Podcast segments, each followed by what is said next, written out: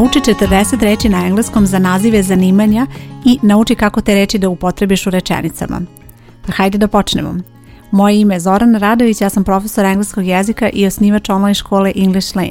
Ovo što slušaš je English Lane podcast gdje pričamo o korisnim savjetima i lekcijama za učenje engleskog jezika. U ovoj epizodi naučit ćeš 40 reći koje imenuju zanimanja na engleskom jeziku i naučit ćeš kako neke od tih reći da prilagodiš specifičnim situacijama i odnosno šta je specifično za neke od tih reći. Krećemo od prve reći, to je accountant ova reč znači računovođa.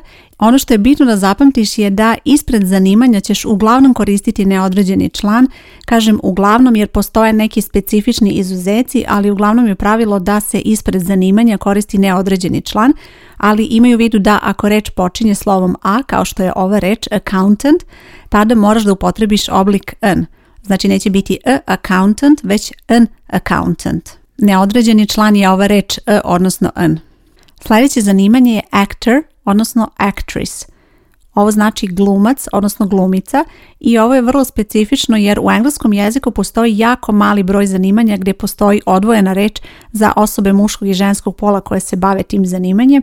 Ovo je jedan primjer, a slušaj ovu epizodu do kraja jer će biti još jedan takav primjer. Sljedeće zanimanje je architect, arhitekta. Sljedeća reč assistant, ova reč znači asistent i vrlo često se ispred ove reči koristi neka dodatna reč da opiše kakva vrsta asistenta je u pitanju. Pa tako možeš čuti izraze personal assistant, lični asistent, virtual assistant, virtualni asistent, shop assistant, to je prodavac koji pomaže prilikom kupovine. Sljedeće zanimanje biologist, biolog, baker, pekar, consultant, konsultant. Inače, primjere rečenica kako da upotrebiš ovo ću navesti na kraju, tako da ćeš moći da ovo prilagodiš svojoj situaciji, odnosno da napišeš nekoliko rečenica koristeći zanimanje koje je adekvatno tvojoj situaciji i ove rečenice koje ću navesti na kraju. Sljedeće zanimanje je šef i u engleskom ova reč se odnosi na kuvar, odnosno glavnog kuvara i nemoj da te zbuni to što se ova reč čite šef, E, nije vezano za šefa nikakvog, to, za to postoji druga reč, to je reč boss. Sljedeće zanimanje dentist, stomatolog, odnosno zubar. Doktor, lekar. Sljedeće zanimanje je designer. Ovo je dizajner, odnosno osoba koja priprema ili planira nešto i vrlo često ćeš ispred ovog zanimanja vidjeti i neku dodatnu reč koja opisuje čime se taj dizajner bavi. Evo i nekoliko primjera. Fashion designer – modni dizajner, graphic designer, grafički dizajner, interior designer, dizajner koji se bavi interijerom, web designer, dizajner koji se bavi izgledom web sajta. Sljedeće zanimanje je jako teško prevesti, u pitanju je reč developer – i to je osoba koja se bavi razvojem, odnosno dizajniranjem nekog rješenja, ali najčešće se koristi kada je u pitanju IT industrija i vrlo često se ispred koristi neka reč da detaljnije opiše čime se osoba bavi, pa tako imamo izraze front-end developer, back-end developer, full stack developer, senior developer i tako dalje. Vrlo često reč koja se koristi ispred nekog zanimanja opisuje recimo ili ekspertizu te osobe ili neku oblast za koju se ta osoba specijalizuje. Sljedeća reč je driver, vozač. Ova reč može imati opet ispred neko prevozno sredstvo da na taj način opiše tu osobu, odnosno to zanimanje detaljnije. Pa tako imamo bus driver, lorry driver, taxi driver i tako dalje. Pre nego što pređemo na sljedeću reč, samo sam žela da te podsjetim da nastaviš da slušaš epizodu do kraja, jer ću na kraju pričati malo i o gramatici, odnosno kako da upotrebiš ove reči u rečenicama. Sljedeće je zanimanje economist, ekonomista. Zatim imamo electrician, električar.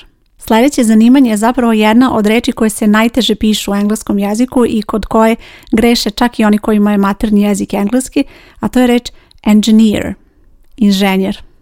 Na ovoj stranici gdje slušaš podcast bit će napisani svi ovi nazivi tako da možeš da pogledaš kako se ova reč piše. Sljedeće zanimanje je flight attendant, to je steward ili stewardesa. Sljedeće zanimanje je housewife, to je prevod domaćica, to je osoba koja se bavi kućom, odnosno poslovima u kući.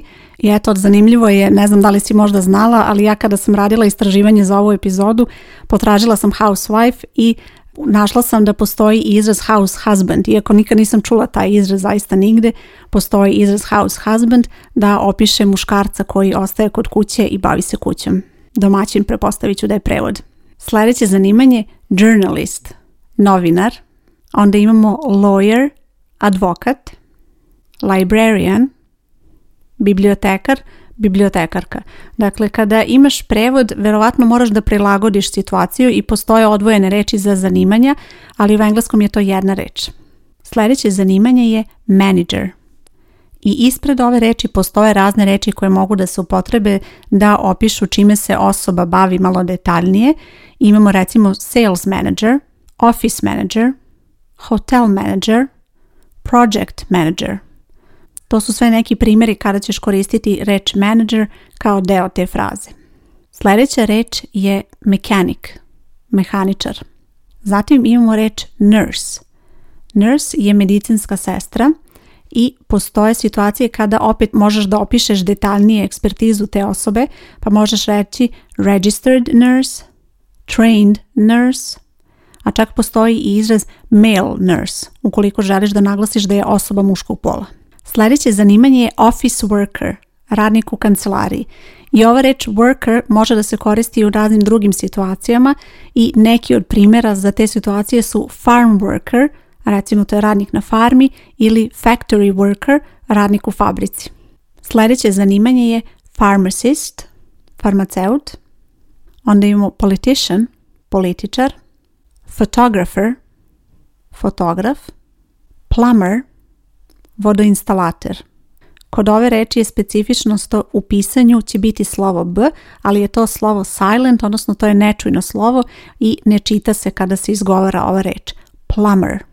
Sljedeća reč u britanskom i američkom engleskom postoji različita reč. U britanskom engleskom će biti postman, u američkom engleskom će biti mailman.